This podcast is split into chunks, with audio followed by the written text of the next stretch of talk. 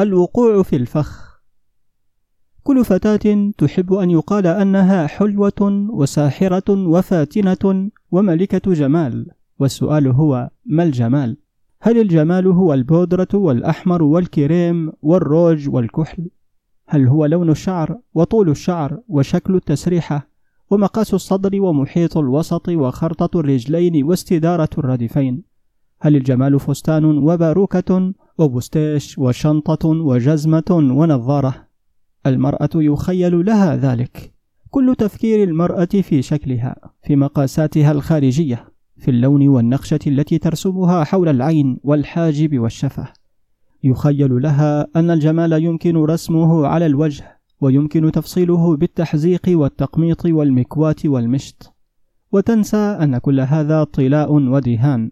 وأنه سوف يذوب ساعة أن تضع رأسها تحت الحنفية وسوف تتحول إلى وجه بلياتشو بعد أول موجة من العرق وأنها بعد مشوار في الحر سوف تتحول إلى امرأة أخرى. لأن كل ما صنعته كان ديكورا من الخارج كل ما فعلته كان سلسلة متقنة من الأكاذيب وعملية رائعة من التلفيق اشترك فيها العطار والصيدلي والخردواتي. وهو تلفيق لا يمكن أن يكتب له الدوام.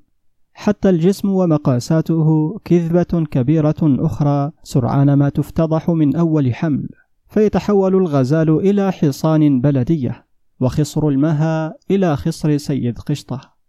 والوجه الجميل والتقاطيع الدقيقة الحلوة هي نوع من الجمال يفقد تأثيره مع التعود والمعاشرة. التعود يفقد الشكل طرافته وجدته وحلاوته وهذا حكم الجمال الخارجي مصيره دائما إلى الزوال وفقدان الأثر. الجمال الخارجي مجرد مصيدة وجر رجل منحة سخية للمرأة لتصطاد بها رجلا نوع من خداع البصر. فإذا تم المراد ووقع الصيد السمين في الفخ وعقد العقد ووقع المأذون وانتقلت العروسة المزخرفة المزوقة إلى العش الموعود ومضى شهر وشهران. بدأ الديكور يقع وبدأ الطلاء يسقط والدهان يتشقق وبدأت تظهر النفس التي وراء الزواق والطلاء. ساعتها يبدو الجمال الحقيقي إذا كان هناك جمال حقيقي. والجمال الحقيقي هو جمال الشخصية وحلاوة السجايا وطهارة الروح. النفس الفياضة بالرحمة والمودة والحنان والأمومة هي النفس الجميلة.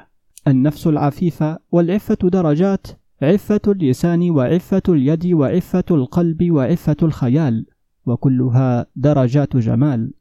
والخلق الطيب الحميد والطبع الصبور الحليم المتسامح والفطرة الصريحة البسيطة والروح الشفيفة الحساسة.